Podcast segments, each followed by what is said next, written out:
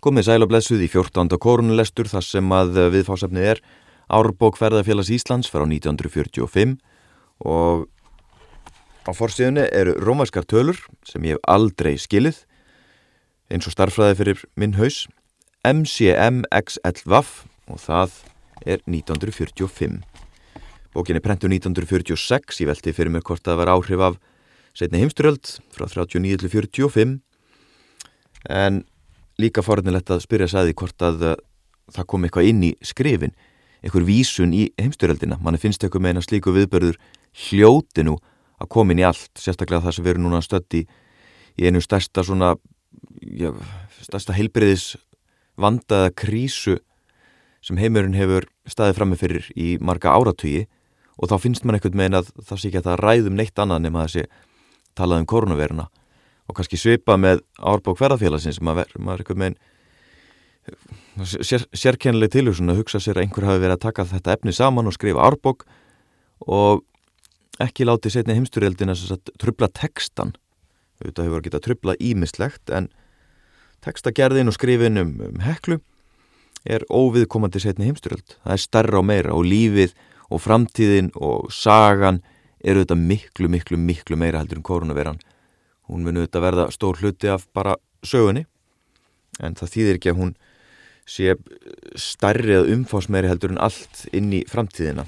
Þá má kannski minna svo að það, eða ég ætla að minna mig á það þið minnið ykkur svo bara á það sem þið viljið minna ykkur á. En það er heklað í fjarska. Svellir á gnípu eldur geysar undir í ógnadjúpi hörðum vafinn dróma skelving og döiði dvelja langar stundir. Fögur er fjalla sín af Suðurlands undirlendinu í heiðskýru veðri en yfirbraðs mest eru austurfjallin, þrjú þeirra. Eyjafjallajökul, Tindfjallajökul og Heklu ber hátt upp yfir öll önnur. Hekla stendur nyrst þessara fjalla og nokkuð álengdar frá hinnum jökul hjálmuðu bræðurum sínum í söðri. Hún er ívið lægri en þeir og minni á alla vegu, enda ber hún kvenkins nafn. Frá flestum bæjum á Suðurlands undilendinu og víðast hvar af þjóðvegum þess blasir Hekla við í östri eða land norðri en afréttum og örafum upp frá þessu héræði má ferðast og dagleðum saman að heklu sjáu af hverju leiti. Hún blasir einni við úr Vesmanægum og af siglingaleðum langt til hafs. Af háum fjöllum má þó sjá heklu miklu lengra að í góðu skikni, til dæmis af örafa jökli. Reykvikingar þurfi ekki lengra að fara en austur á Vívilfell eða upp á Esju til að sjá hana. Eins og vantamá breytast útlínur heklu nokkuð eftir því hvaðan á hana er hort, en samt er hún hvaðan æfa með sérkennilegu yfirbræði og auð þekkt, jafnvel áttaviltum manni. Allar línur hennar eru bógadregnar eða smáböðóttar, hvergi berfið heiminn þver nýftan hamar, nýheldur flatan hjalla. Engin múli skagar fram úr hlýðunum og ekkert gil skerst inn í þær. Þetta stingur allt í stúfi granna hennar í fjallarhingnum en hekla er ílaung frá norðaustri til suðvesturs og breytist eftir því hvort sér á enda hennar eða hlið. Séður suðvestri, til dæmis, framan af rángarvöllum, sínist hún strítu mynduð, þó með nokkuð íkvolum hlýðum og ávölum kolli. Söm verður löguninn úr gagstaðir átt, innan af afréttum, en að norvestan, til dæmis, úr ofanverðum reppum, er hún að sjá all langur hryggur. Hann er hæstur í miðju og þar eru á honum nokkrir kollóttir hnúkar með grunnum skörðum og milli. Það eru heklu tindar. Þeir eru fimma tölu en tvo ber saman, svo þeir sínast fjórir. Til begja enda lækkar hryggurinn og verður sléttari. Brúnin sem veit til söðvesturs nefnist heklu öxl hinn fremri og hinn heklu öxl hinn innri. Báðar eru ávalar og frá þeim há brekka og all brött niður af fjallsrótum. Gagnstæð hlið heklu, söðaustur hliðin, veitað óbyggðum einum, en þaðan að sjá eru útlinur fjálsins vitaskuld speilmynd þess sem nú var frá sagt. Hér á undan hef ég leitast við að lýsa útlinum heklu, eins og þær geta orðið ólíkastar. Það er, annars vegar, séð þvert á hliði fjálsins, hins vegar á enda þess, en svo heklu mynd sem flestum er hugstaðust er einhver meðalvegur millið þessar auka. Um langmestan hluta Suðurlands undilendisins sér skáhalt á norðvestu hliðinar. Í því gerfi blasir hekla við í austri eða litlu norðar um alla landsveit, holt, flóa, skeið, neðan verða reppa og víða í öðrum fjölmennum sveitum. Þá er hún að sjá hvorki strítan ég hryggur en öllu heldur rismikil bunga. Akslirnar heldur afsleppar en þó greinilegar og tindan á miðju fjallinu bera nokkru leiti saman í einn bálk, lengri eða skemmri eftir því hversu skáhalt sér á þá. Aðeins í austustu sveitum hérasins, kvól repp, fljóts hlýð og landegjum, kemur dálitið af söðausturbrekku fjallsins í ljós. Á takmörkum undirlendisins, sunnan og vestan heklu, rýsa mörg kvöss móbergs fjöll upp úr raun breyðunum, en úr fjarska að sjá skikja þau hvergi á heklu sjálfa, því að hún stendur hátt að baki þeirra, hefur hækkað næsta umhverfi sitt með því að hella yfir það hverju raunflóðun og annað ofan. Hæstu tindar undir fjallana, nema aðeins við rætur heklu sjálfrar. Öðrum álir gegnur um bungu eina miklu sem likur fyrir miðri norvestu hlýð fjallsins og er áföst við það. Þessi kollóta alda sem nær heklu hér um bili í mitti er kölluð litla hekla. Þar sem sér á enda heklu ber litlu heklu við heiminn eins og út skot út úr aðalfjallinu en síðan að vestan og norðan ber hana við sjálfa fjalls hlýðina. Sker sér þó oftast glögt frá henni, engum framan á sumri vegna þess að snjó tekur þar fyrr upp en í fjallinu fyrir ofan. Að undan skildum snjóflekkjónum er hekla fremur ein lit að sjá, venjulega millir blás og grás. Ljós eða dökk eftir solfari. Rauðalitarins í gjalltindunum gætir sjaldan í miklum fjarska og líkt er um gul gráu mosategjurnar neðst í raun brekkonum. Bjartast verður yfir heklu þegar sól er sest á undirlendinu en ljómar enn á vesturbrekkum fjálsins, róða slæra á storknaða raunfossa og bruna mela en elds lit á fanninnar. Í þessu gerfi er hún fegurst, alhjúpuð, vetrar snjó. Snjór liggur líkt á heklu, ár eftir ár. Á veturna er hún alla jafna alkvít niður á rótum en þegar í vorleysingum tegist blásvört mön upp á fremri aukslina. Snemma sumars verða neðanverðar hlýðarnar yrjóttar af ótelendi raun hnjótum sem kom upp úr fenninni. Í september byrjun mun snjórin að jafnaði minnstur. Í meðalári er fjalls ekkin þá auð að endilöngu og fann breyða ofanverðra hlýðana leist sundur í kvíta tíla. Aðeins í brekkunni gengt norðri, upp af og innan við litlu heklu, likur enn breið kvít skák ofan frá tindum, langt niður eftir fjallinu. Þó sínast þar einnig auðar hnjótar, en sumt að þeim er jökulís, svartur af auður. En jafnvelum hásumar er hekla alvön að grána eða kvítna í byli niður í miðjar hlýðar. Því fer fjarrið að hekla sjáist alltaf á því svæði sem fyrir varum getið að hún blasi við á. Dagarnir sem hún sést öll eru miklu færri en hinnir, er þóku kúfur grúfir yfir henni eða þykni í östri byrgir hana niður á rótum. Þó er hún ekki eins þóku sæl og hinn fjallbáknin í östri, eigefjallajökull og tindafjallajökull. Einna helst verður bjart á heklu í átt leysu eða hægviðri á norðan og austan. Þegar svo ber undir getur hún orðið skaf heið dag eftir dag en á nóttunni leggst oft þóku hjúpur um hann alla. Stundum svo þunnur og nær skorin að hattar glögt fyrir línum fjálsins. Í kvassiri norðan átt er að vísu tryggur þurkur niður í héræði en þá grúfur löngum þóku hetta yfir fjallinu. Hún er síðari áveðurs en kempir þó vennilega fram að tindunum og jafnvel aukslinni. Annars eru veðra breyði, snögg og lít fyrir sjáanleg á heklu. Í góðveri er aldrei örvænt að svo kunna rofa til á einhverja dagstund að bjart verða fjallinu en eigi er heldur örugt um heiðríki og heklutindi eftir 4-5 klukkustunda ferð frá næstu bæjum þótt hún ljómi öll í solskinni þegar lagt er upp. Heklu er fyrst getið í annalum árið 1104 er hún gaus fyrsta sinni svo sögur fara af. Í eldstu frásögnum er hún jafnan nefnd Heklu fell en síðar Heklu fjall og Hekla. Fórun menn hafa kent fjallið við eins konar yfirhafnir sem þá týðkuðust og voru kallar heklur, en því miður vitum við eigi gerðla hvernig þær voru í hátt. Langsennilegast er að fjallið drægi nafn af einhverju líkingu við þessa flíkur í litiða lögun, en þó hefur það verið skýrt á ýmsa vegu. Kálund getur þess til að nafni sér dreigið af fönn einni, mikilli gengt vestri í fjallinu. Þorvaldur Tórótsen nefnir til þóku kúfin sem oft grúfir yfir fjallinu og jafnar honum til hetna þeirra er áfastar voru sumum heklum fornmanna. Og í orðabók Sigfús Blöndals er hekla sögð heitin eftir fann hjúpnum er hún sveipa sig ofanverða. En eðlilegust þykir mér svo skýring sem ég lærði, barn austur í hreppum. Hún er svo að hekla heiti eftir lögun sinni séða vestan. Eins og fjallinu var líst hér að framann, séðu úr þeirri átt, minna útlínur þess greinilega og efri hluta eins konar flíkar, til dæmis peysu, skirtu eða kápu. Heklu tindar mynda lágan kraga kringum höfusmáttina og ávalar fjallsbrúnirnar begja vegna, bæði líkjast aukslum og heita axlir. En ekki er því að neyta að bæði snjókuppl og þóku hetta, þegar svo byrjundir, kunni að auka enn á líkinguna. Raunar getur varla hjá því farið að hekla hafi breyst nokkuð eftir að henni var gefið nafn. En samt er mjög sennilegt að heklu lögunin hafi löngum vilja loða við hana.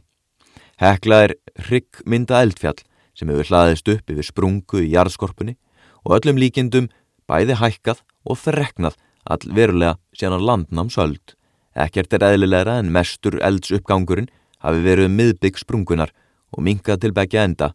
Barmar aðalgíksins eða gígana á miðjufjallinu því orðið hæstir og mynda hálsmál heklunar en læri eldvörp begja vegna axlinnar.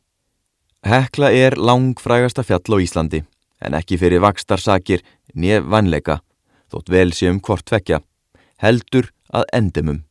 Skelving og dauði er þau hugtök sem öðrum fremur hafa verið tengd við nafninar og enn er ekki löst við að það þykir létt úð að láta í ljós hrifningu af fegurð mein vættarinnar. Fræð heklu fór víða um lönd og miðaldum, flestu öll landfræðiritt sem letu Íslands á nokkru getið hafðu kynja sögur af henn að segja. Þar eru íslenskar draugasögur, afbakar og tvinnaða saman við óljósar fréttir af ægilum heklu gósum og niðurstaða, hinn útlendu fræðimanna, er svo að í heklu nái rángali úr sjálfu helvíti upp á yfirborjarðar og sé þar jafnvel aðal ingangurinn í þá miður eftirsoknar verðu vistar veru. Þorvaldur Tóratsen týndi til margt af þessum bábiljum í landfræði sögu sinni og skal hér tekin upp smá kapli til dæmis.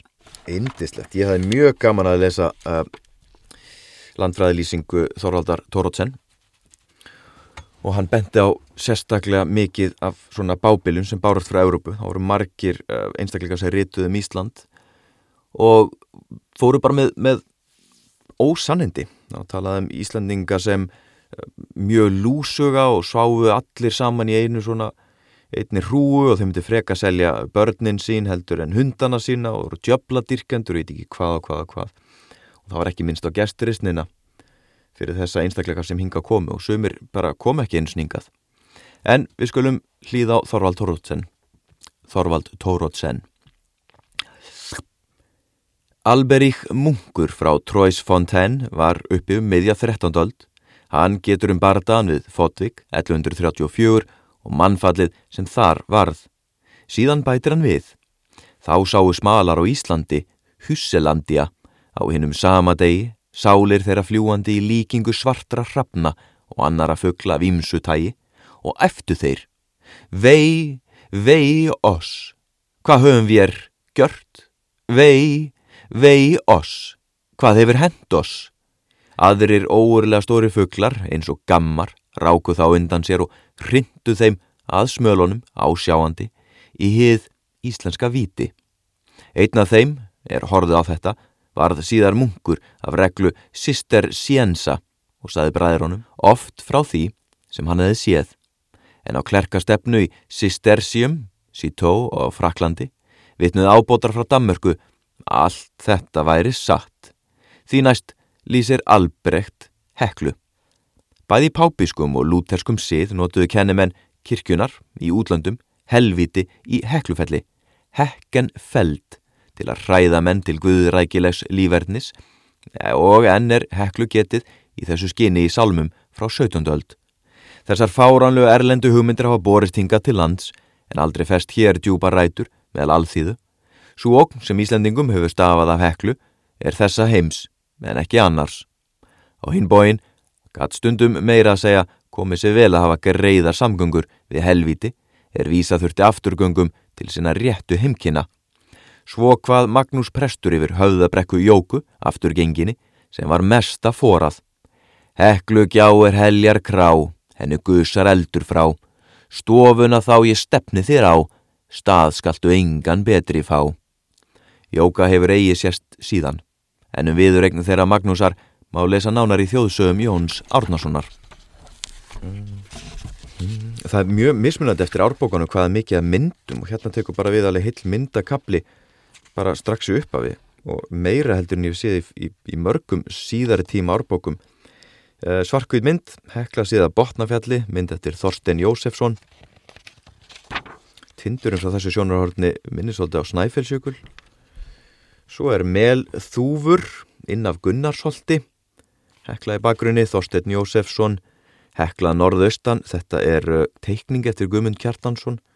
Svo er heklað norðvestan, gríðilega djúb hérna bílför í sandinum, þetta er mynd eftir Páli Jónsson. Heklað norðvestan lítur mjög uh, ólík sjálfrið sér, og móðið komast þeir sem eru vanir að sjá hana eins og ég hundruðum skipta á kerstlu eftir þjóðveginu. Útsýni til heklur Gnúb verja reppi, ránga frá raunteig með uh, heklu í bakgrunni. Falluðu lítill skóur hérna á hægri hönd og en algjört berangursleg auðn á vinstri. Svo er það Selsund mynd eftir Gísla Gestsson. Og Selsund er þar sem að hann vinnu minn hann uh, Norbert sem var erlendur þýsku skiptinni með hérna á 8. áratögnum hann dvaldi í Selsundi aðstóði bondan þar og hann saði mér oft frá því frá tvölsinni þar einstökur merkilegu maður sem bjóð þar stólu með nafnaðan reyndar í augnumleikinu. Svo er uh, mynd í Rángarbátnum Ytri, mynd eftir Gísla Gjertsson. Tveir einstaklingar standa þarna á uh, klaka við árfarveg og þar blasir hekla við í bakgrunni. Svo er það keldur, þrýhyrningu til að hægri, engin hekla. Svo er það hestaréttin, þetta er allt svarkvita ljósmyndir. Hestaréttin, hestar í kös þarna, mynd eftir Pál Jónsson. Eða í nýpi, nýpri. Ég þarf að læra betra Íslandsmál. Útsýn austur af Heklu og það er Guðmundur Kjartansson teiknaði. Önnur teikning eftir Guðmund Kjartansson, Hekla og Höskuldabali. Uh, Gós stöðvar á Heklu, teiknaðar 1846. Svo er það Bjallagígur, Trippafjöll og Selsundsfjall í baksín, Guðmundur Kjartansson ljósmynd. Heklað sunnan úr lofti. Geodetísk institút. Og næsta mynd líka Næfurholts, Hraun og Hekla. Eru mjög marga myndir hérna. Gígurinn hjá Hátindi síðar á Norðan 25. ágúst 1935 Pál Jónsson. Og það sjást hérna för upp snjóin og, og tveir einstakleika sínist mér upp á barminum. Og einstakleika lappar hérna á miðjöklinum á heklu. Pínu lítill jökull í um það byrju 900 metra hæð. Guðmundur Kjartansson tók myndina. Jökulröðningur norðan við heklurættur og á miðjöklinum um 600 metri við sjáamál og þá eru við komin að næsta svona textakabla og það er ná, nágrinni heklu. Við höldum bara ótröð áfram. Á laugardags kvöldi mm, páska, það að koma pásk, páskasunnudagur á morgun, pálmasunnudagur. Pálmasunnudagur á morgun, já. Tvö, nágrinni heklu. Nágrinni er mjög tegjanlegt hugtak en er hér notað í fremur þröngri merkingu undir þessari fyrirsögn verður sagt frá því svæði sem hekla yfir helga sér og farið um eldi. Hún framti þá aðtöfn raunar öðruvísi en áar vorir forðum en miklu rækilegar og naumast að lögum. Ummerki þessar elda munu sjást meðan landslægi rángarþingi er í líkingu við það sem nú er. Þau eru storkin raunflóð sem er unni hafa frá heklu í allar áttir, yfir mela og grundir og hvert og annað ofan.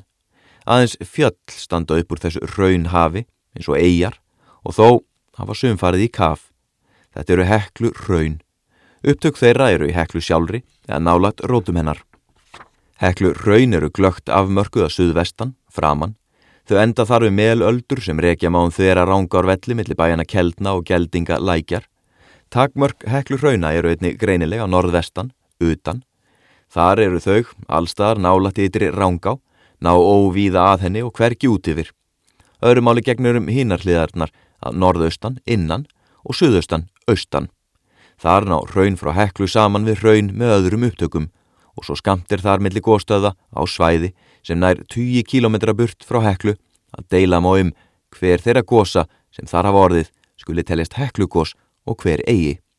Í þessari lýsingu verður ekki að neinu ráði selst norður yfir landmannaleið, fjallabagsveg eh, nyrðra, en aftur á móti sagt nokkuð frá all viðáttu miklu fjallandi sem liggur austur og söður frá heklu og nefnist innanvert rauðu fossa fjöll en framar vatnafjöll.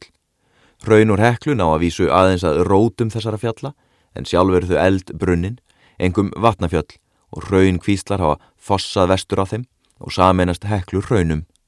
Jarðfræði kortið sem fylgir þessari bók næri yfir allt þetta svæði en líkt út fyrir takmörk þess. Um þessar slóðir hagar svo til að landslag kemur allvel í ljós á jarðfræði korti en þó er hverju manni nöðsynlegt sem kynast villheklu og nákrenni hennar að eignast hinn ágætu landslaskort herfóringjar að sinn stanska. Hekla sjálf hefur lent á því nær miðjukort blaði 57, Hekla Suðvestur, prentuðu 1908 í mælikvarnum einnamóti 50.000. En því miður hefur svo illa tiltekist um þetta kortblað að af 55 nöfnum sem á því standa, austan rángar eru að minnstakosti 25 raung eða ránt sett. Mörg þessara raungu nafna voru fælt niður og fá einn hinn mikilvægastu, leiðirétt, á Suðvesturlandskortinu, prentuðu 1930 og 39 í mælikvarnum einnamóti 250.000. Fleiri nafnaskekkjur eru leiðiréttar á hinnu nýjútkomnu kortum í mælikvarnum einnamóti 100.000 en nokkrar, um 13, hafa sloppið gegnum þessar hreinsunar elda og verður þeirra getið hverjar á sínum stað í þessari bók. Landsvæði það er hér um ræðir skiptist í lálendi og hálendi, mun næri lægi að telja takmörkin um 200 metra yfir sjó. Lálendið er efri hluti rángarvalla en hálendið er hluti af sjálfu megin hálendi landsins og mikill meiri hluti svæðisins.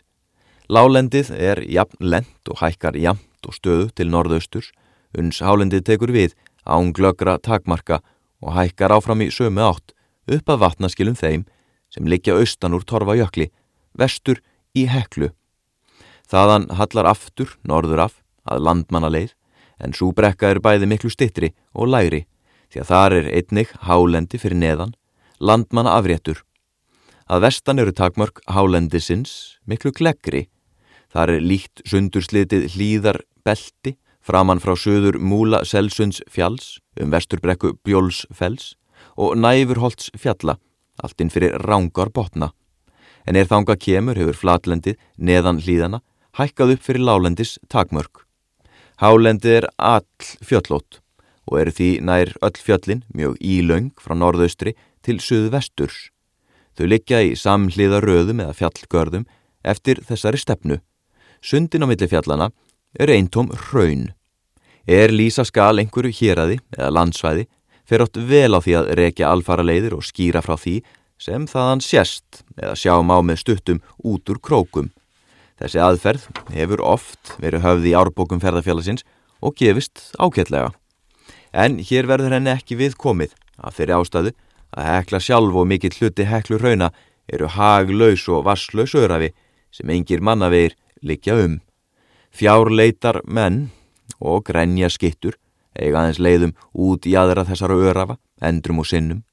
Vegna þessa teki heldur þann kostað skipta svæðinu í skákir eftir landslægi og segja frá hverji fyrir sig.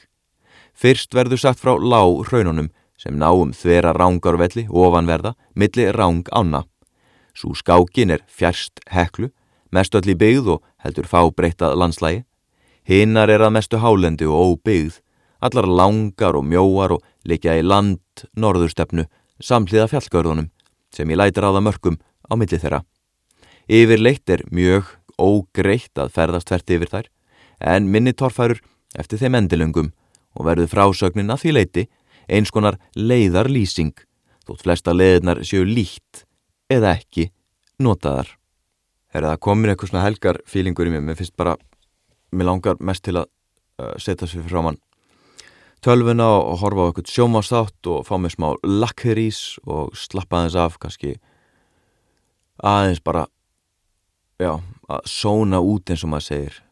En uh, ég ætla að halda áfram að lesa þannig að þetta, þetta er bara svona þetta er bara svona uh, brot í lesturinnum þannig að á milli þessi ég hveð núna og að ég byrja aftur líða kannski 8, 9, 10, 11, 12 tímar en bara 5 sekundur í okkar tilfelli. Þannig að bara telli niður 5 sekundur eru 12 klukkustundir, segjum svo, bless.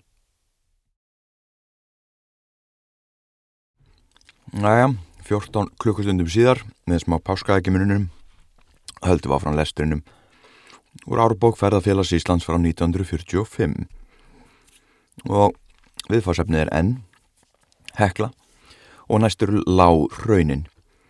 Þess var áður getið að lágir og ávalir mel hryggir lægi röðum þvera rángarvelli millir keldna og geldinga lækjar. Þetta eru fornar jökul öldur. Þar sem þær eru nú hefur brún Ísaldarjökulsins staðnaðum hríð á undanhaldi sínu til fjalls fyrir batnandi loftslægi í lok síðasta jökul tímabils. Öldurnar eru nú kollóttari en þær voru upphaflega því að sjór gekk yfir þær nýmyndaðar og máði ofan af þeim. Laungu síðar er sjórin var þorrin af undilendinu, flættur raun frá heklu og öðrum eldstöðum, ofan rángarvelli og huldu allt lálendið fram að þessum öldum. Þær stóðu eins og stíplugarðar við eldflóðunum og hliftu þeim ekki lengra. En við austurenda aldnana, skamt söður frá keldum, er nokkurt hlið millir þeirra og Vatsdals fjalls, Árgils staða fjalls eflust gamall árfarvegur. Þar hefur mjó raun alma tróðist í gegn og runni nokkura kílometra spöl fram úr raunbriðinni miklu fyrir ofan. Nú fylgir fisk á austur í aðri þessar raun tótu og stokkalækur vestur í aðri en eistri ránga bríst fram eftir henni miðri. Heldur er landslag fábreytilegt í lág raununum. Þeim hallar enni í sömu átt sem þau runnu, fram að jökulöldunum, gömlu, austan til út að yttir er ránga á auðanverðu. En hallin er svo lítill að þess gætir líkt á ferðalagi, hvort farið er upp eða ofan. Einu mishæðirnar eru lágir raunhólar og langar raunbrúnir. Brúnirnar eru takmörk einstakra raunflóða sem hafa runnið hvert í sínu gósi og hvert yfir annað. Slíkar raunbrúnir eru engar glöggar á svæðinu norður og austur frá keldum.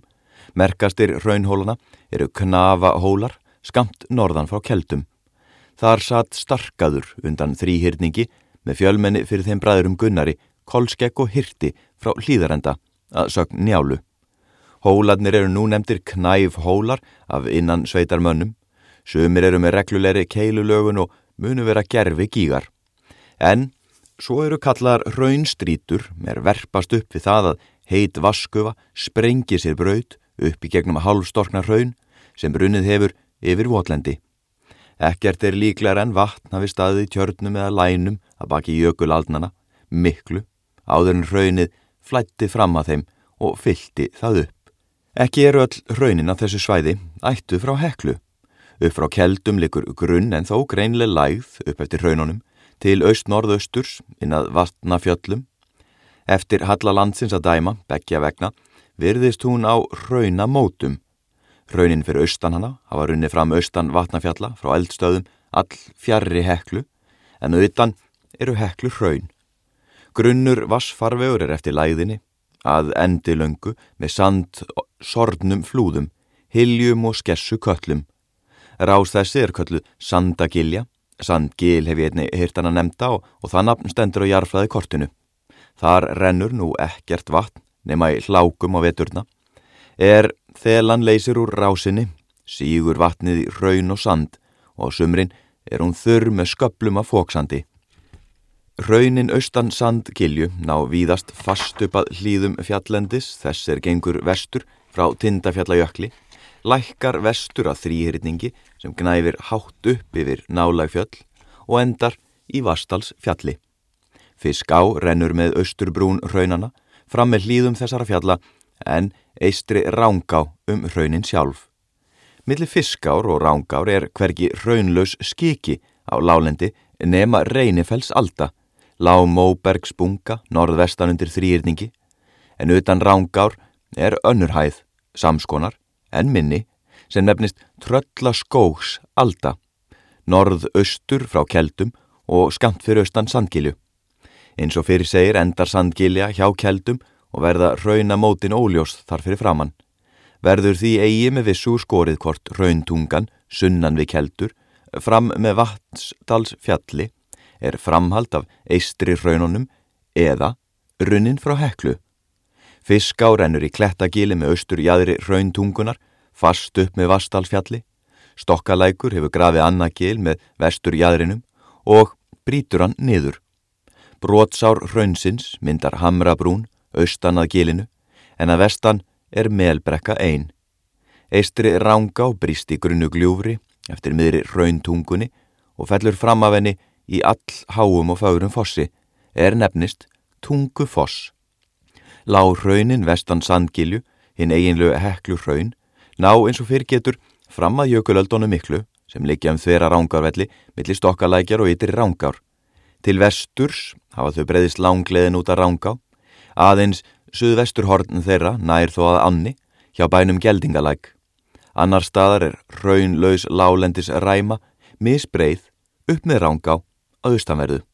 Eins og ég hef nú nefnt nokkur sem áður þá bæði vinn ég við hljóðbókalestur hérna heima fyrir hljóðbókasafnu og hlusta.is en uh, ég les kannski einna mest á rafnustu þar sem ég vinn við aðlýningu og það er alveg einstaklega skemmtilegt að spurja út í svona hinn ímsu, hluti tengt því sem við erum að lesa. Þannig að þegar ég lesu upp að þá nýti ég tækifæri til þess að stoppa og svona velta vöngum og spyr fólkum tengingar þeirra við viðfánsefnið eða minningar eða hvað hvað sem nú er.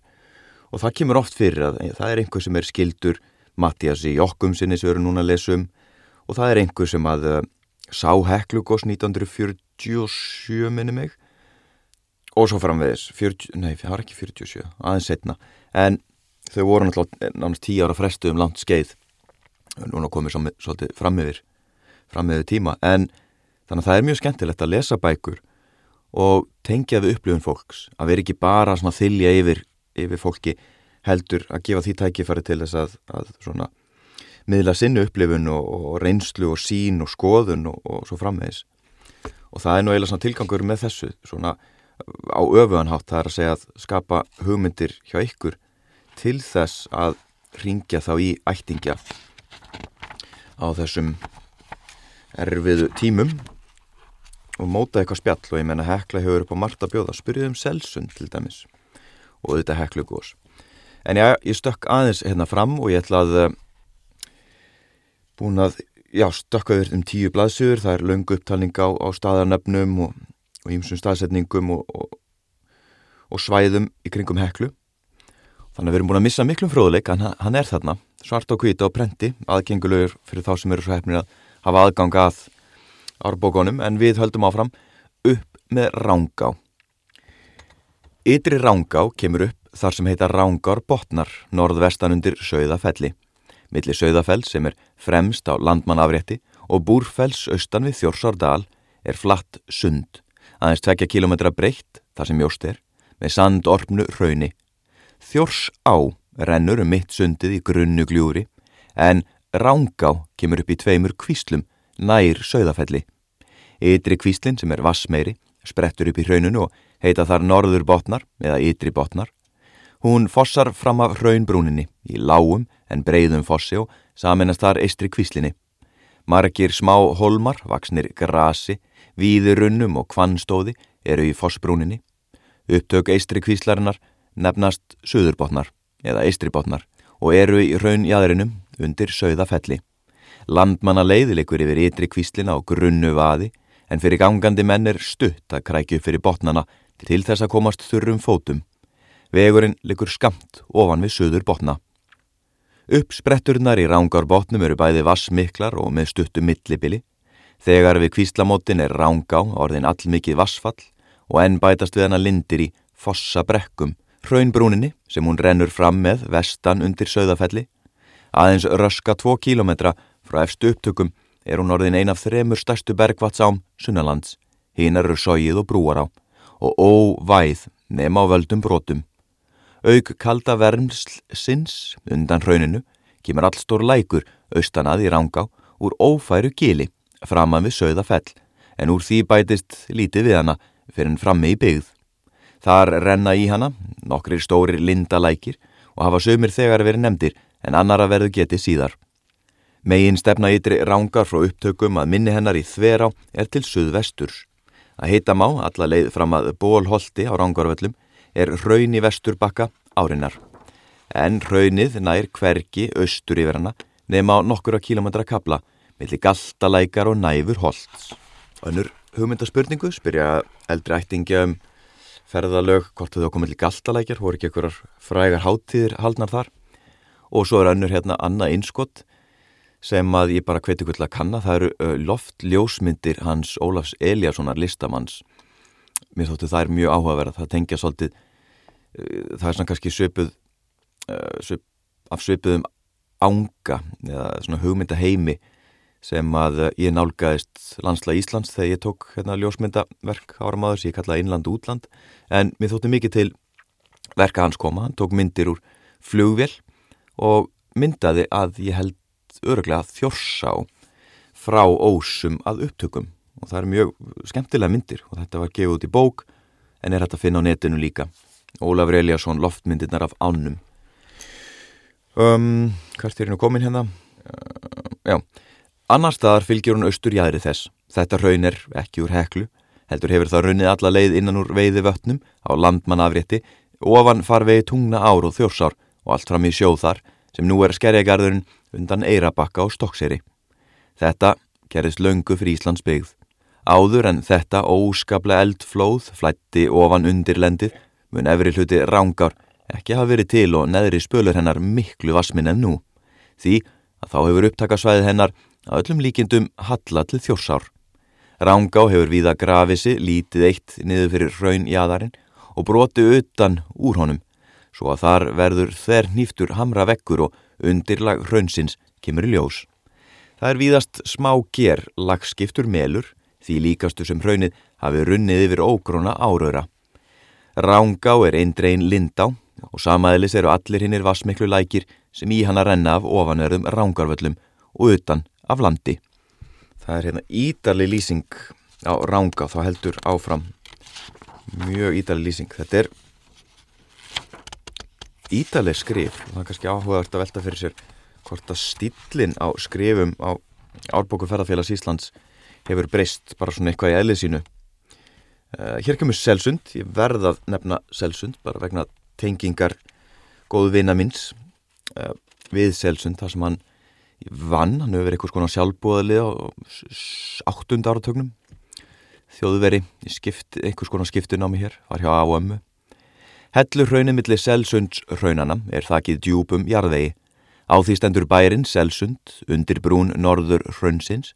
Þar er fagurt og hlílett bæjarstæði, slett tún í góðri rætt ofan á hellur hrauninu. Vart mun annars staðar, fegur að sjá til heklu en að völlunum framann við Selsunds bæin. Heimann að hlaði skikir hraunbrúnin á hana.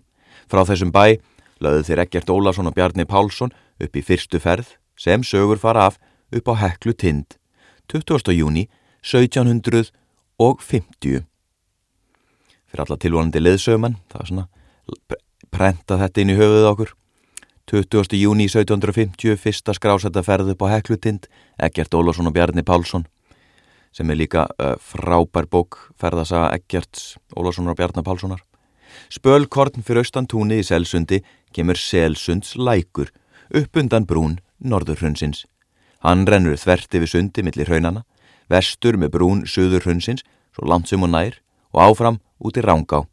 Selsunds lækur er meðal vassmestu lækja á Rángarvöllum og er þá langt jafnaði. Í eðli sínu er hann einhver, hinn fullkomnasta Lindá, sem undir að hugsa sér, vex aldrei til neittna muna, leggur aldrei, rennu víðast í þröngum stokkmilli grasbakka, kaldur og djúpur af aða og svo framvegis. Þó er hann bílfær á skóavaði á leðinu frá koti, kippkorn fyrir neðan, vestan, selsund. Nokkru ofar og nær bænum er göngubrú á honum. Ég er nú farin að vera svolítið foröldunum heklu gós. Hér er næfurholts bærin, undir bjólf, fellistanda tveir bæir, haugadalur og næfurholt, líst ykkur um hraunum, Þoraldur Tórótsen og hans áleiktun um uppbrunna hrauna, hann náttúrulega er örgla með þeim fyrstu sem að svona veitir ítalega insýn og, og kenningar fyrir því hugmyndur um það hvaðan hvernig hlutin eru mótaðir og búin til. Hérna er eitthvað gróður auðn. Blasiða 40. Afsakirna skrjáið í mér. Úti á landi er þjósar hraun víðast upp blásið og gróður snöytt, engum á norður og austur hjara sveitarnar. Þó hefur einn stór gróður torfa og ytri bakka rángár gengt hraunteig, staðið af sér sand rókið. Henni hlýfa tveir stuttir en vassmiklir lindalækir. Annar rennur austur um torfuna sunnaverða og nefnist vatnagarslækur en hinn fram með austurjæðri hennar og heitir galtalækur. Báðir komi í rángá, gengt raunteiks sporði. Frama við vatnagarslæk voru til skamstíma fáinir bæir og var þar kallað leirubakka hverfi en af þeim er nú leirubakki einn í byggð. Bæjar hús standa enni í vatnagarði á lækjarbakkanum en Annar bær sem nefnist Galtalækur stendur innst í torfunu og vestur bakka, samnendslækjar, skamt fyrir neðan upptök. Allt fram á síðustu ár hefur Galtalækur öðrum bæjum fremur verið sá síðasti gistustæðir ferðamanna á leið til heklu. Hann er efsti bæjur upp með ranga og utanverðu á leiðin inn á afrið til landmanna og holtamanna og þaðan likur ennfremur landmanna leið, fjallabaks vegur niðri, austur í skaftar tungu. Þeim fjallvegi hefur Palmi Hannesson líst í árbók ferðarfélags Íslands 1933. Í galta lækuru smá holmar, vaksnir skói, austan við túnið á bænum og brött flúð sem nefnist skóafoss í kvíslunum á milli. Við svona stökkum fram og tilbaka. Hér er hraun kvísli næfurholtsbæin, fjallaðum hana. Hérna eru við farin að álgast ekkur eldsumbrott. Fremsta nef næfur holts hrauns, næra minnstakosti nokkra 20 metra út á hraunflæmið mikla og fórna, þjórsár hraun, sem fyrr var sagt frá, samanber hrauntegg og land. Fróðulegt er að bera þessi tvö hraun saman, því að þar ber margt á milli, annað en starðamunur og aldurs. Þjórsár hraun er hellurhraun, þar eru víða berarklappir, ímist flatar eða upp spentar í sprungna hóla, sléttar, eða með fallegum bógadregnum reynsli skárum, raunreipum. Raun breyðan í heild má heita marflöt, raunir lítur að hafa runnið mjög auðvellað og breyðst yfir landið líkt og vassflóð. Næfurholts raun er aftur á móti apal raun, þar sér óvíða á fasta klöpp og hver ekki slettaða gáróta. Yfirborðið er þakkið haugum á lausagrjóti, stóru og smáu og allt er það mjög blöðrótt og sundur tætt, jável fröðkent eins og svampur Hraunið hefur bólnað upp og orðið bísnað þygt þar sem dregur úr hallanum eða aðrar tálmanir urðu á vegi þess. Brúnirnar eru brattar og háar urðabrekkur. Allt yfirbrað þessa hrauns ber með sér að það hefur verið seikt, er það rann og morrað þunglamalega áfram en það kemur það heim við lýsingu þá er skýð hefur eftir sjónaváttum að reynsli þess. 9. nógumber viku eftir að hraun reynsli hófst náði það aðeins fáina kílometra frá rótum heklu Raunnið var þá mjög tekið að storkna en það var þá nokkur lát á aðrennslinu ofan úr fjallinu en millir svartra storku spángana glórði samt kvarvetna í hérna innri glóð þess og væri járn stöng stungi þær inni, hittnaði enda hennar svo að næri mátti hamra hann til. Einni geyslaði svo miklum hita frá hrauninu að hann var óþólandi á beru andliti í nokkura metra fjarlægð og þótt klæði manna væru gegn drepa af regni Þornuðu þau á auga bræði.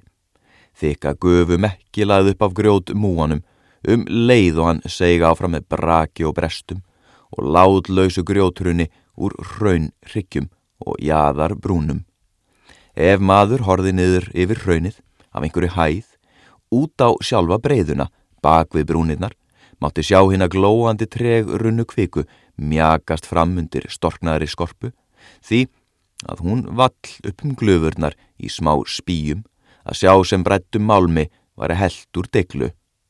En óðar, er þær komið undir bertloft, kvildust þær, storku skæni sem var blásvart í dagspyrtu en rauðglóðandi myrkri. Grjóð urðir, myndar við raun úr brún raunsins, stemdu stigu við framrás þess. En er þrýstingurinn óks, bakvist líka hindrun, bröst raunistundum snögglega í gegn og þakti nokkurt svæði framan við brúnina með eldröðu hraðstorknuðu lausagrjóti. Vegna þessara ófyrir sjáanlegu út hlaupa úr fljótandi yðrum hraunsins var vara samt að koma nærri brún þess. Ég er vissum það að samtal við eldri ættingja uh, á eftir að leiði ljós einhverja tengingu við eldsumbrott hvort það sé landsvæði sem að uh, þau hafa búið á eða heimsóttu eða bara mun eftir úr fréttum, það er þetta að ræða þetta ímsa vegu. En þessi lýsing, hún kveiktir svolítið í mér. Þetta er eldgömi lýsing en hún er náttúrulega bara algjörlega tímalust því að eldgós hafa hann látt sér stað hérna bara nánast frá upphafi í jarðarinnar og móta allt okkar land. Er svona mestu hluta, við förum ekkit út í fellingafjöll og annað slíkt en uh, að grunni til. Og þetta bara myndi mig á til dæmis þegar að það gauðs á fimmvöruðhálsi þá var ég þar statur ekki þegar byrjaði að gjósa heldur fórþangað flög yfir í uh, flugvél til að ljósmynda. Við fórum upp yttir uh, eins og margir aðrir á jeppum, við vorum með leðsögumann okkur okkur til aðstóðar, hald svo tröst og fórum þarna með ljósmyndar á jarfræðingi og þessi lýsing á hrauninu, þessi mikli hiti og hljóðin, þetta er svona, svona glera brotna, svona klingrar í þessu þetta rétt svona vellur fram, ótrúlega magnað. Fjöldin sem var stattur upp á fimmverðhálsi var náttúrulega bara eins og í sirkus. Ég man eitt skipti þá öskraði ég á fólk því að fólk stóð svo næri eh, ég bara eiginlega svona snjóhengju eða íshengju og undir rann raunið og fólk var svona gæjast yfir alveg eins og ég veit ekki hvað. En í svona aðstæðum er mjög merkilegt að upplifa ákveðið svona ákveðina skinnjun á fölsku öryggi. Með miklum fjölda fólks held ég að það aukist þessi öryggistilfinning, ég menna við erum hundra mannsina, fyrir mikið öll að drepast en anskotin hafið það. Og svo munurinn á að upplifa öryggið í, í dagspyrtu eða myrkri. Og það var eitt skiptið þá í dagspyrtu þá einhvern veginn sérmarki klóðina uh, eins og hann lýsir. Og er þarna ljósmynda og allir að horfa og leggur hann að gufu mökku upp úr hingu að hangað og hljóðin og hitin og við flugum líka yfir þyrlu þá var hann svo að vera steikt, steiktur, steiktur á grilli. En á kvöldin þegar að glóðin kemur fram þá magnast einhver djöfuleg upplifun. Það er einhver svona náttúrulegu kraftur sem er bara eins og ég segja bara maður skilur alveg af hverju talaður um um helviti út frá eldu og öðru slíku. Það er eitthvað rosalega kraftmikið en okkveikjað í því. Og ég fann óttan aukast að kvöldi til.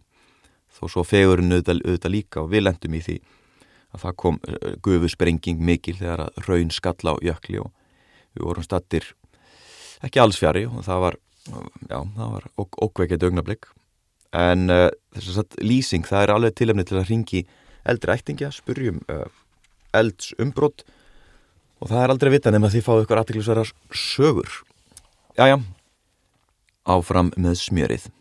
Ég er að fletta hérna áfram, blaðsíð 50 er skýringamind, það er verið að lýsa læginu, það byrjum 20 metra þverskurður og það kvítur vikur efst, svo tekur þunn lög af kvítum svartum og blönduðum vikri, svo svartur vikur, grár vikur eða svart aska, kvítur vikur, mold, svartur vikur, ljósgrár vikur, leirborin mór, smáker, melur með þunnum lárættum lögum, bláleitur sandmelur með mjög höllum lögum og bakki við ófæri gil. Og þetta er hér um bylþarskuru sem er um já, 20 metrar.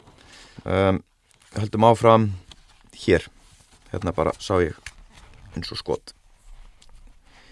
Af öllum þeim kynstrum af ösku, vikir og öðrum sundurlausum gósefnum sem ringt hefur yfir nákrenni ófæru gils síðan efur að þykka laði myndaðist, er nú ekki annað eftir en hinn þunna dreif sem hýlur það og í hafa valist þingstu steinmóladnir. Hitt hefur róki burt fyrir vindi, en þar á rángarvöllum og öðrum nærsveitum heklu, sem jarðvöður eru óblásin, hafa yngri ösku og vikur lögin varðvist hvert upp af öðru í þeirri röð sem þau fjallu. Dóttur Sigurður Þórainsson, landfræðingur og Hákon Bjarnason, skóratastjóri, hófu gagnmerka rannsókna á þessum lögum fyrir röskum tíu árum.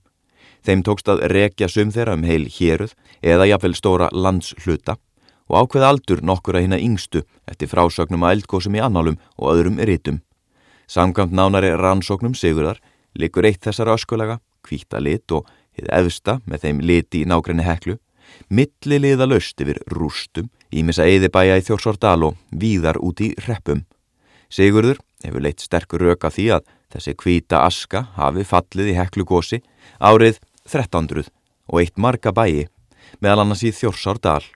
Á rannsóknarsvæði þeirra Sigurðar verður lægið yfirleitt bæði því þykkara og stór gerfara sem nær dregur heklu og er ekki að efa að þar í nánd hefur vikrinum gósið upp. Eins er þessu farið um hinn neðri, eldri, vikurlög, Hverki næstu héröðum njópiðum við heklu getur að líta hvítan vikur í jafn þykkum lögum og í bökkum ófæri gils sem er sjö kílometra, litlu vestarenn, norður frá hátindi heklu ef undan eru skildir vikur skablar sem drifi hefur saman í slökkum og kvömmum fjalla hlýða og rannir í vass stæðum. Þykk vikur lög eru að vísu einnig austan heklu, til dæmis í rauðu fossum, en þau þinnast og verða því smágerfari sem lengra kemur austur frá fjallinu.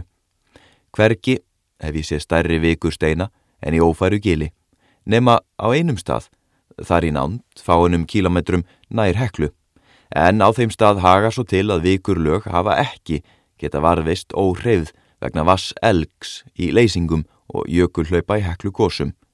Eld stöðvarnar sem guðsu þessum vikri hljóta verið heklu sjálfri eða við rætur hennar. Raunar er þess hverki getið í rítuðum heimildum að hekla hafi gósið kvítum vikri og rannsókn öskulaga í jarðvegi staðfestir að hún hafi aldrei gert það að neinu ráði síðan í gósinu sem heiti Þjórsardal árið 1300 að tímatali Sigur að Þorrenssonar.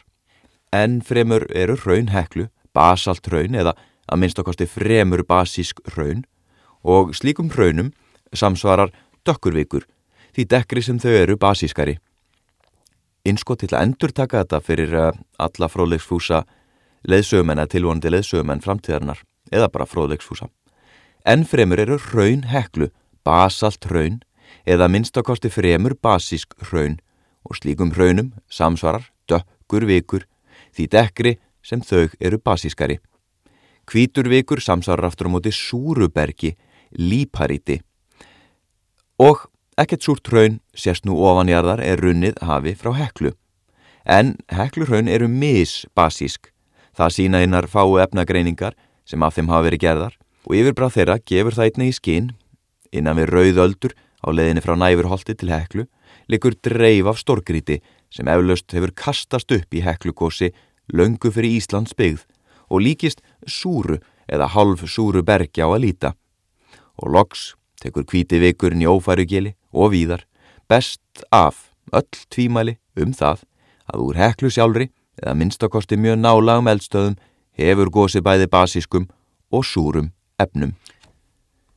Herru, ég ætla að grýpa hérna niður í uh, þriðja kabla sem heitir Inn með heklu að vestan en ekki frá upphafi, heldur fer ég beint hérna inn í, já, neðan við hraunbrekkuna í stóra skóksbotnum ætla menna staðið hafið bærin stóri skóur og nokkru framar undir skigni er örnefni litli skóur. Þar á einni að hafa verið bær Nú sér engin merki þessara byggðar. Hafi hún einhver tíma verið er líkast að það hafi verið fyrir rauðaldna gósið síðasta og bæirnir orðið undir raunflóðinu þaðan. Að öðrum kosti hefði verið mjög óvistlegt þarna þanga til er að gróa og þá færi varla hjá því heldur að einhver verks um merki sæjust eftir bæina. Eins og fyrir getur herma munmæli einnig að kanastadir hafi orðið fyrir þessu sama raunflóði en yngar áreðanlegar heimildir eru til um neitt þessara bæja. En munnmælin um þá geta samt vel verið sönn. Rauð aldna raunið er ekki ellilegar en svo að það hefði vel geta runnið yfir byggt land á þeim tveimur stöðum sem ég hef grafið í gegnum hinn þunna jarðveið þess, nálat selsundi, fannst ekkert kvítt ösku lag og gefið það í skín að allur sá jarðvegur hafi myndast eftir 1300 samanber blasju 53. Nú er skólöst með öllu, bæði í stóra skói og litla skói, en sumstaðar kjörr og stakar hríslur þegar kemur vestur í raunnið. Raun fossin, vestan af heklu fjallgarðinum, innan við rauðöldu hnúk er tví skiptur og kvíslarnar mjóar. Fremri kvíslin stefnir í brekkunni á háöldurnar, en fyrir neðan beir hún há og mjó, framskarðið millir þeirra á rauðöldu hnúks.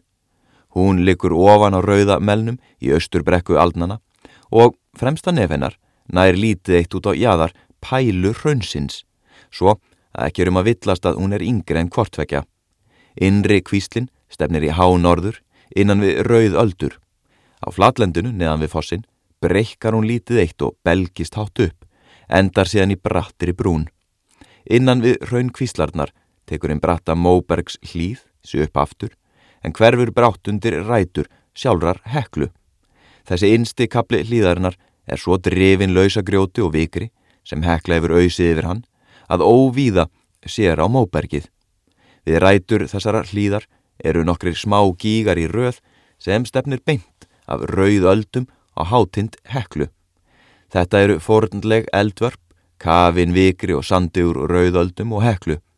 Mjög sandorpið hraun úr þessum gígum likur inn undir rauðöldur að austan og norðan og hverfur hins vegar undir nýjasta hraunu úr heklu, næfur holts hraun. Vil minna á þetta skrifa 1945. Herðu, svo er annað, uh, þessi hraunfoss, ég hef nú ekki komið þarna og ekki séð hann, en þetta er líklega örgla magna fyrirbæri. Og þá kemur í hugan aðgengi okkar, svona yngri kynnslóðarna sem elst náttúrulega upp við interneti og þarf að finna allt, uh, á ljósmyndum og svona sjónrætni tólkun á landsæðum og landslas ljósmyndun sérstaklega með aðstóð dróna uh, vídeo og ljósmyndir hefur náttúrulega gjör breytt aðgengi að uh, svæðum.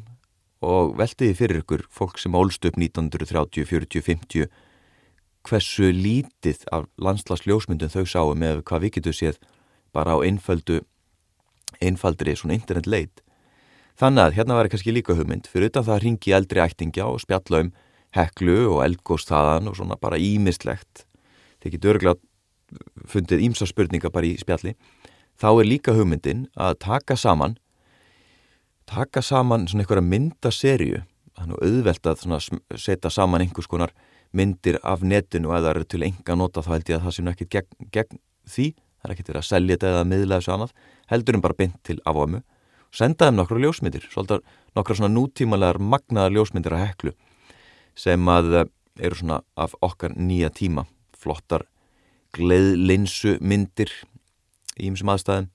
Og svo ætlaði ég líka að nefna það að það stittist við stíði að það, að það kom út nýtt kort sem ég var að sjá þar kunningi með hann Snorri, ah, hvers svo nertu nú Snorri, ég ætla að nefna þetta aftur setna því ég er búin að kanna þetta betur.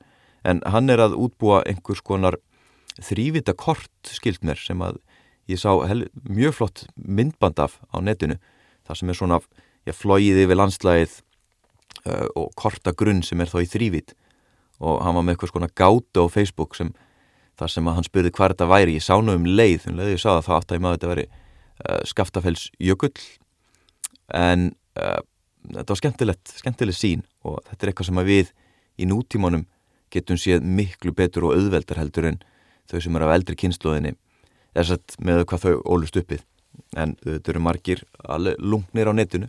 En það má alveg bara hjálpa og senda bara e-mail til eldri ektingja, bara með link. Bara lítið e-mail, bara kíkt á þetta. Áhugaverða ljósmyndir af heklu og svo framvegis. Þarf kannski ekkit alltaf að vera, vera símtala en bara svona miðla því mikla aðgengi sem við höfum að, eh, að fróðleik og, og, og myndum og öðru slíku miðla því á öðuldan hátt En herri, ég fann að tala allt og mikið hérna. Herri, hérna er flóði ránká, tengt heklukossum. Skulum fræðast aðeins um það. Fyrir með næðis aftar.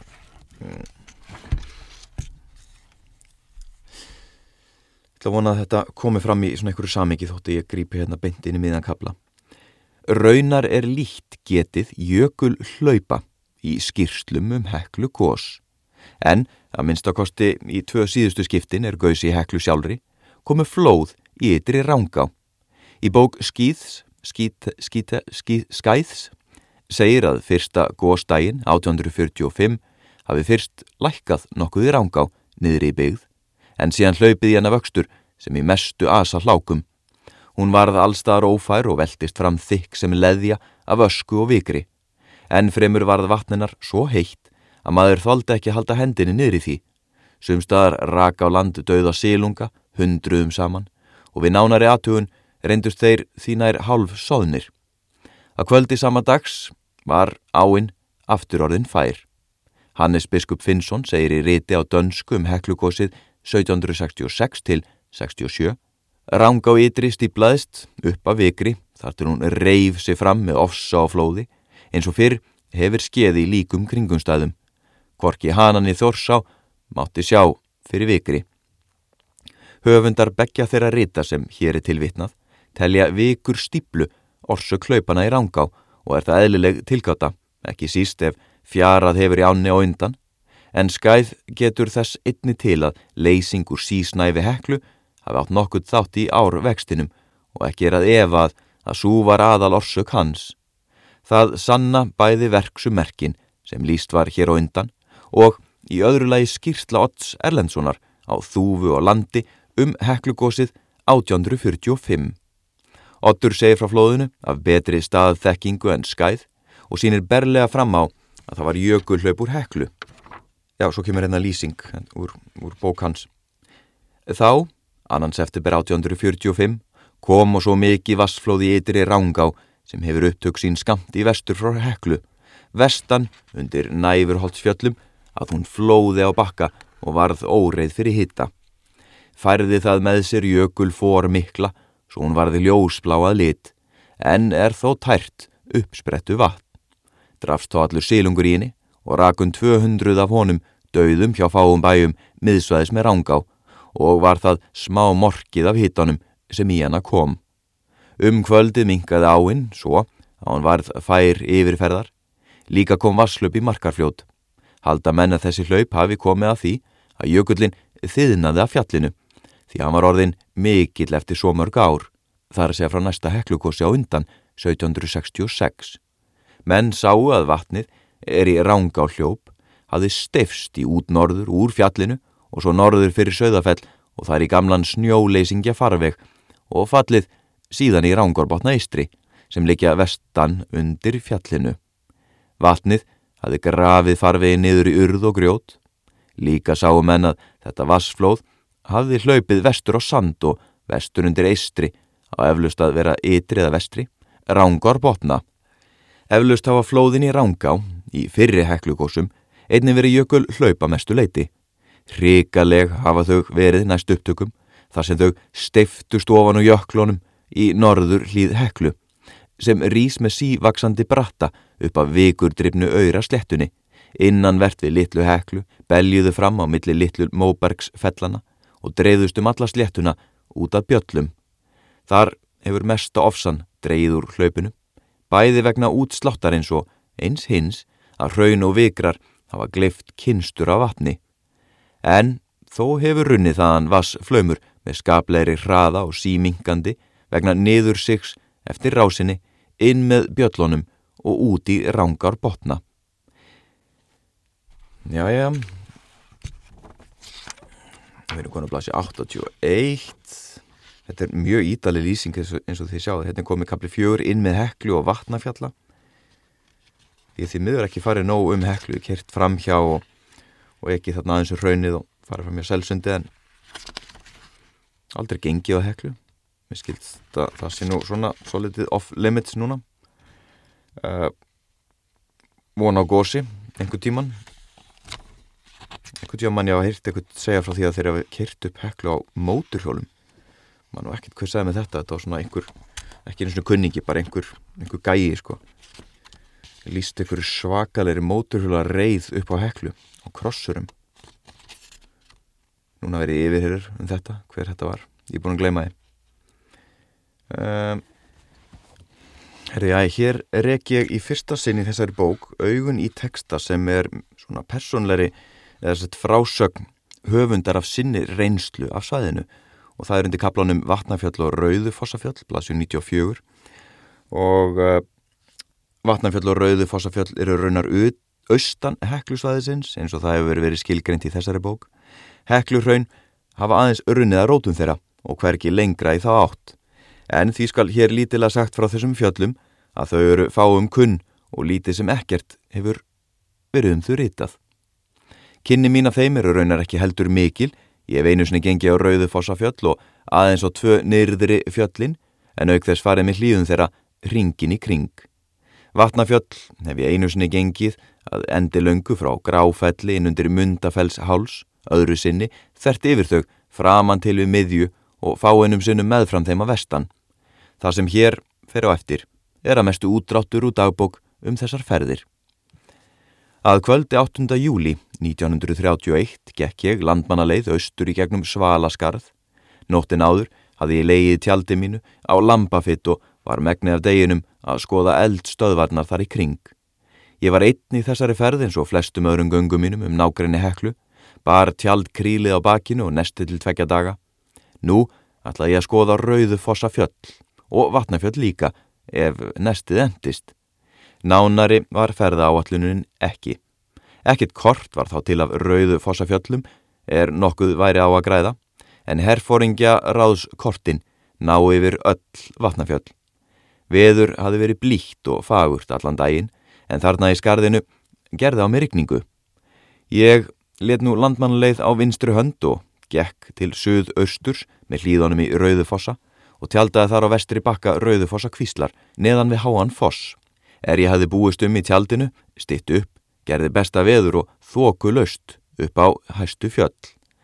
Það var nálat lágnætti, úri mitt var bilað, en nóttin björnt. Þá gekk ég út til að svipast um, þurka á mér fötin og takk úr mér hrollin áður en ég leðist til sveps. En svo kvöldganga varð lengri en til var ætlast í fyrstu. Af brúninni sem fossin fellur fram af er all sérkenleg útsín og undur fögur, en þó ekki víð því að þarna er skamt milli hára fjalla.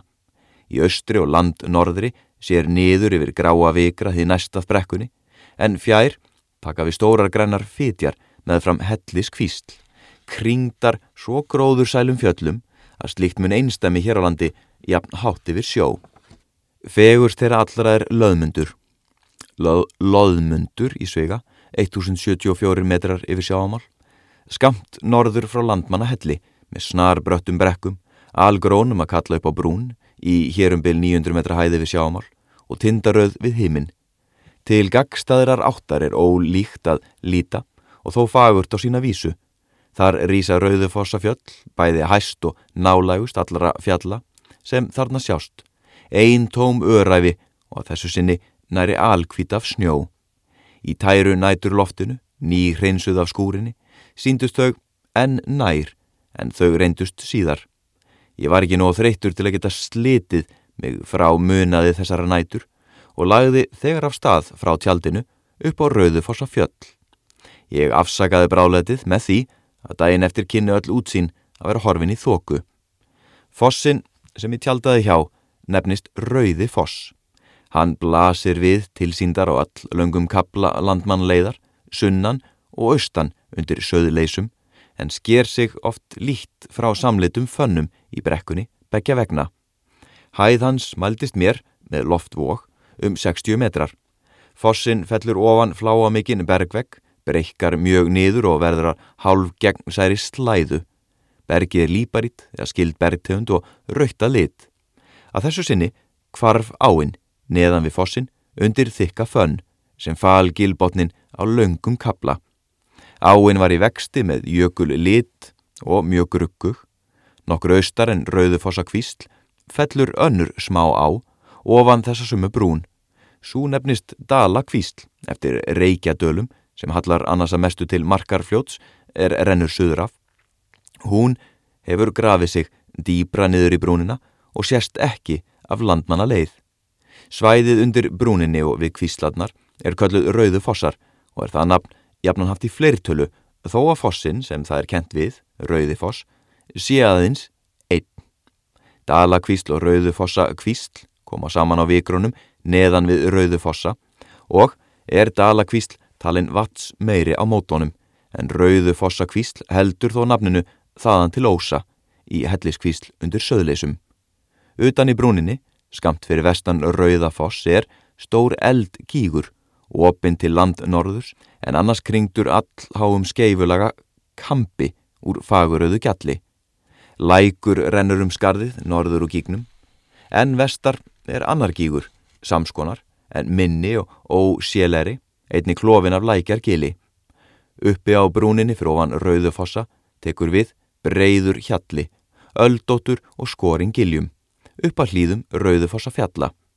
Hinn hæstu þessara tignarlegu fjalla, fjögur að tölu, og eða til vill hinn einu sem að réttu lægi heita Rauðufossafjöll, eru öll áþekk að stærð og með samskonar lögun, brött með kvössum hamrabrúnum en flötum kolli og ílöng í land norðustefnu. Afstöðu þeirra hvers til annars er þann veg háttað að því er líkast sem eitt fjall bák með sömu lögun og hvert einstakt fjall hefur nú en ferfalt að víðáttu hafi klopna sundur í fernt af tveimur sprungum, annari þversum og hinni langsum. Nú eru þessar sprungur orðnar að breyðum íkvolum geilum millir fjallana, eflaust mestaföldum skriðökla sem hafa skafið þar upp bæða á Ísöld og stundum síðar.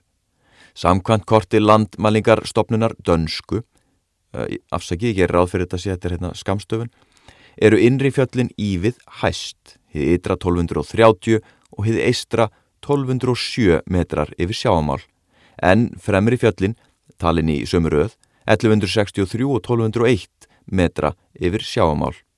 Rauðufossa fjöll eru meðal allra mestu hæða hins mikla fjallendis sem likur til austurs frá heklu og skilur vatnasvið tungnaár, annarsvegar, og markarfljóts og holmsár hinsvegar. Aðins hekla, 1447 metrar yfir sjáamál, og kaldaklófsfjöll, 1278 metrar yfir sjáamál, eru herri.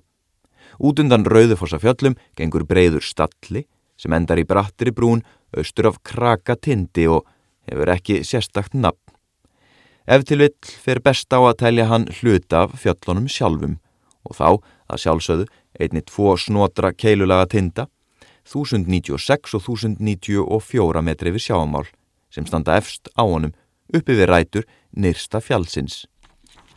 Rauðufossa fjöll stingi ekki aðeins í stúfi öll fjöll á heklusvæðinu að lögun heldur einnig að efni. Þau virðast að mestu leiti veru úr súru gósbergi eins konar líparítið að skildum bergtegundum. Líparít er venlega ljós raukt að lit og sker sig yfirleitt glögt úr tilsýndar íslenskum fjöllum. En til að sjá eru rauðufossafjöll ekki eins björt yfirlitum og flest önnur líparítfjöll því að því fasta berg þeirra er allt aðta svörtum vikri og ösku sem eldgós síðustu árþúsunda hafa auðsið yfir þau. Aðeins hamraveggirnir í brúnunum og brattar snasir hér og hvar standa upp úr. Annað aðbriði á Súru Gósbergi nefnist Big Steinn. Hann er glerkendur, svartur að lit og venjulega með grænleitri slikju. Bæði Big Steini og Ljósu Storkubergi bregðu fyrir, hér og hvar, innanum Móbergið og all stóru svæði norður af Rauðafossafjöllum, til dæmis í Rauðu Fossum eins og áður var getið, í Stallabrúninni, austur af Krakatindi og einni neðan við þá brún allt til króka gilja brúnar við svala skarð. Þetta súra gósberg bæði Rauðufossafjöllum sjálfum og nákrenni þeirra er á vestasta hjara hins mikla líparitt svæðis í kringum Torfajökul. Rauðufossafjöll sjást óviðór byggð því að hekla og vatnafjöll er á milli þó skal þess getið á bílveginum undir Ingólfsfjalli í 75 km fjarlægð kemur siðsta fjallið haldt fram undan söðurbrekku heklu. Einskott hafi augunópin fyrir þessu næst þegar þið kerið í gegnum, gegnum uh, Selfoss. Ég gekk yfir rauðu fossa kvísl á snjóbrú og hjælt upp með henni að austan. Gekk fyrst á við eistra af innri fjallunum, síðan fram að því og upp á ytra fjalli að sunnan. Leiðin var torfari laus, langa oftast snjórundir fæti, mátulega harður til að korki sökk verulega í nýja skrikað á. Þetta sömar, 1931, var snjór umfram meðalag á öllum fjöllum í grend við heklu og miklu meiri til að sjá en sömrunu áður. Snjórin var hreitt, allur sem tilsást frá síðasta vetri. Eistra fjallið er minnst um sig að ofan allra rauðufossa fjalla. Kollur þess er ílöng kista með rauðleitum ljósgrítis hömrum til begja hliða en auðveld uppgöngu til endana. Í bjartviðri hlýtur að vera afbrasfögur útsýn af þessari kistu en að þessu sinni var henni nokkuð áfátt. Loft var all skíjað og stinningskaldi austan með dálitlum hraglanda, öðru kóru. Jæljagangur eða skúrir á Torfajökuls fjöllunum spilt út sinni til hverasvæðisins í Reykjadölum og þar í grend. En þó sáust þar margir gufu strókar. Á Rauðufossa fjöllum sjálfum var enn alveg þokulöst en tók nú heldur að syrta að. Í geilinni milli fjallana sem ég gekk á sá varðla á dökkan díl fyrir snjó Þar var all stór tjörn, næri kringlót og kynlega græna lit til að sjá. Hverki sá stein í bakkaðinar og síndist mér hjarn brekkur fjallana likja áfram niður undir vassborðið. Jaka hraungl flauta á vatninu og virtist mér sem það hefði verið lagt til skams tíma en Ísællan sprungið upp við hækkun vassborðsins af leysingu undafarna daga. Engin lækur rann úr tjörnin en hallað að henni á alla vegu. Þegar ég kom upp á ytra fjallið, hið hæsta, 1230 metrar yfir sjáamál, var þar komin þoka, er byrði alla útsýn. Ég gekk inn eftir fjallinu og kom fram á norðausturbrún þess, en þar var ófært ofan, snar brött hjarnfönn með geigvanlum sprungum. Brúnin reyndist boga drein kviltar barmur og sá ekki í botn kviltinni fyrir þóku. Ég krækti norður fyrir kviltin á, hitti þar á greiða leið ofan af fjallinu, bratta að vísu en hamra lausa. Þar komst ég brátt niður úr þókunni og blasti þá kviltin við, opin gengt norðaustri en hins vegar tjölduð snarbrattri og sprungin í hjarnfönn, næri 200 metra hári. Þokan fal nú brúnirnar og seg æg neðar eins og hún vildi ná mér aftur en það tókst henn ekki fyrir henni tjálstað undir Rauðafossi. Fönnin endaði kviltar minninu við all háan og mjög ósléttan urðaragarð sem lágum þvert minnið. Neðst var fönnin orðin bratta lítil og sprungulöys. Urðin er stór grít og ber þar mest á ekki að grjóti en sumir steinarnir eru þó fæðir og eftir nokkura leitt þóttist ég finna steina með jökul rispum. Undan þessum grjót rygg spratt upp lækur með skolleitu vatni og rann til rauðufossa kvíslar. Ekki var um að villast að skriðjökull lág í þessari kvilt og hafði ítt fram urðar hrygnum undan sér. En nú sá hvergi í beran jökulís vegna þess hver mikill snjór lág enn frá síðasta vetri. Síðan sömarinn 1931 hefur fönnin upp af þessum jökli minkað stórum til að sjá en ég hef ekki komið að henni nema í þetta eina skipti. Jökulkviltin sem hér var líst kemur ekki fram af hæðar línum á korti, landmælingastofnunar dönsku, en það er hún grund skorinni í fjalls hlýðina. Í ferð minni á rauðu fossa fjöll virtist mér til að sjá áþekk kvilt í norður enda siðsta fjallsins. Sú var einni með brattri fönn og urðar gardi fyrir neðan. Eftir þetta nætur rölt svaf ég vært í tjaldi mínu um morgunin og veit ekki gerðla hver lengi. En er ég vaknaði var sól hátt á lofti og nær söður en austri. Þokan var hjöðnuð og allur sá dagur varð bjartur og fagur. Ég tók mig nú upp úr tjaldstað og helt fram með rauðufossafjöllum að austan.